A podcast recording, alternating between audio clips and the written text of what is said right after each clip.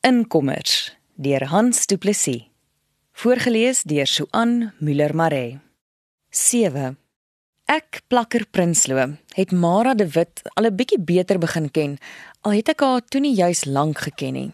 Net vandat ek omtrent 6 maande van tevore in die nuwe skool gekom het. As gevolg van my en ma se omswervinge was ek 'n jaar of wat ouer as sy. Maar ons het gou geklik seker omdat die een nie die ander reg van die begin af met die gewone klomp onsinnige vrae bestook het nie.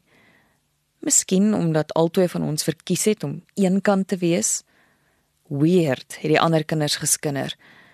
Ons was seker 'n bietjie anders, maar dis goed so. Toe los hulle ons die meeste van die tyd uit. Jy is die nuwe meisie, het Mara gevra waar ons toevallig een oggend voor skool naby mekaar op die paviljoen gaan sit het. Die ander kinders het gewoonlik nie naby die paviljoen gekom nie. Eers het ek dit oorweeg om haar nie te antwoord nie en ek het nie eers opgekyk van die boek op my skoot nie. Boeke vra nie waar jy vandaan kom nie. Wonder ook nie waar jou pa is nie. Boeke praat nie terug nie. Hulle los jou uit en leer jou baie meer as wat nuuskierige agies jou kan leer. Die blonde meisie met die mooi blou oë wat ongenooid hier langs my kom sit, weet mos ek is 'n nuwe kind. Vir wat vra sy dit? Dis die ewige vraery wat my al 'n paar keer van skool laat verander het. Miskien het ek haar toe tog geantwoord omdat ek al gesien het sy is ook omtrent altyd op haar eie. Ja, my naam is Plakker Prinsloo. Ek weet, het sy gesê en nie verder gepraat nie. Ons het so naby mekaar bly sit totdat die klok die einde van pouse aangedui het en in stilte na ons klasse toe gestap. 'n Paar dae later was ons weer saam op die paviljoen. Ek dink dit was aspres want ek kon sien dat sy eers gekyk het of ek en my boek daar is voordat sy doelgerig nader gekom het. Daarna het ons dikwels bymekaar gesit en min gepraat. Ek met my biblioteekboek en sy met haar natuurkunde handboek. Sy het my niks gevra nie en ek het haar ook nie uitgevra nie. Al wou ek meer van haar weet, want sy moes tog een of ander storie hê, een wat sy nie sommer wil deel nie. Soos ek. Dis eers toe ons mekaar beter leer ken dat ek verstaan het dis van seer wat sy nie graag oor haarself wil praat nie. 'n Ander soort seer as myne, sou ek later agterkom. Dit was nie dat sy, soos ek, haar vir haar eie storie moes skaam nie. Dit was anders. Hartseerder.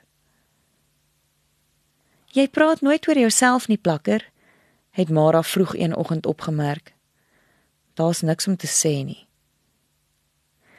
Lyk vir my nie een van ons twee het veel om te sê nie, het Mara gelag. Jy loop ook nie heeldag met 'n selfoon op jou oor rond nie. Ek het nie een nie. En ek het jou ook nog nooit met 'n Samsung of 'n ding gesien nie. Ek het een, maar ek haat die ding. Lieg ek vlot. Eintlik het ek gewag dat sy moes vra hoekom ek nie een het nie, maar sy het nie. Gelukkig nie want ek kan tog nie antwoord dat ons nie geld vir sulke luksus het nie.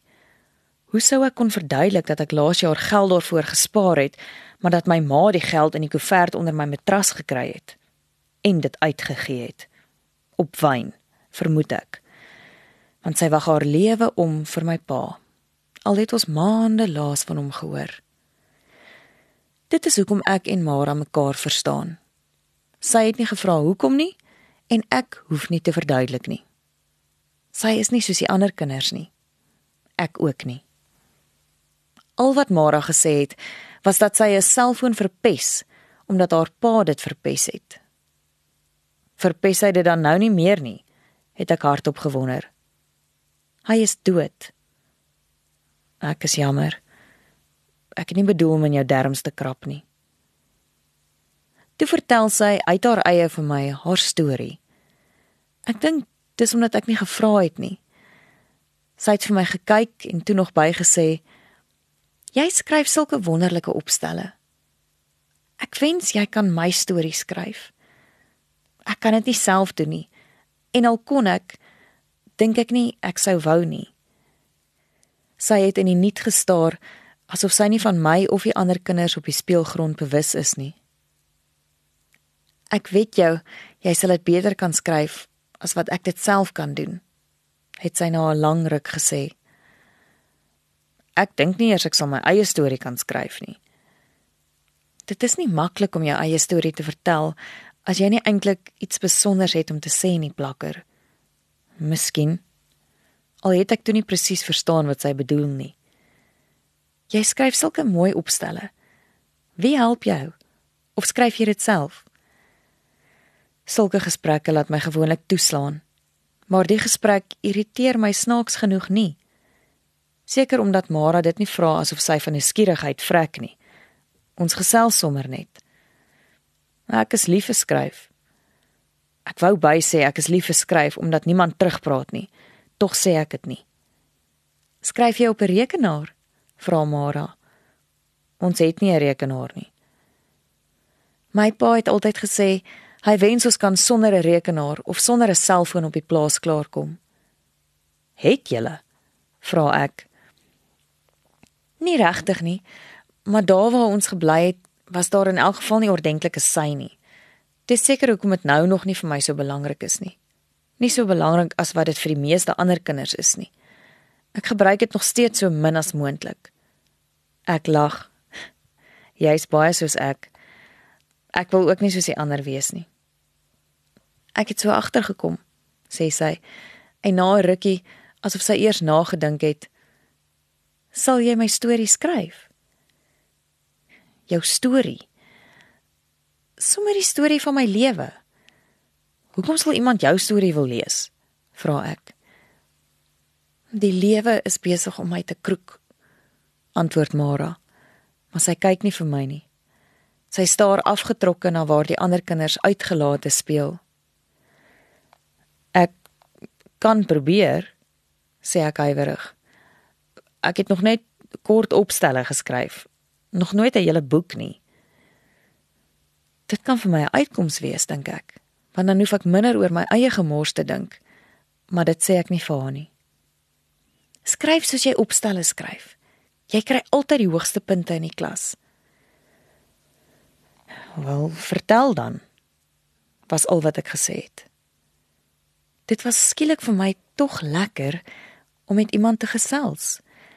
Iemand wat omgee en iemand wie se storie ek graag sal wil verstaan, al is dit ook net om my eie verhaal te vergeet. Om te skryf, het ek toe gedink, is maar om te lees. Die verhaal is net baie nader aan 'n mens se hart as jy skryf oor iemand wat jy ken. Sommer in die biblioteek dieselfde middag al het ek my storie oor Mara de Wit begin skryf. Veral na wat vroeër die oggend gebeur het.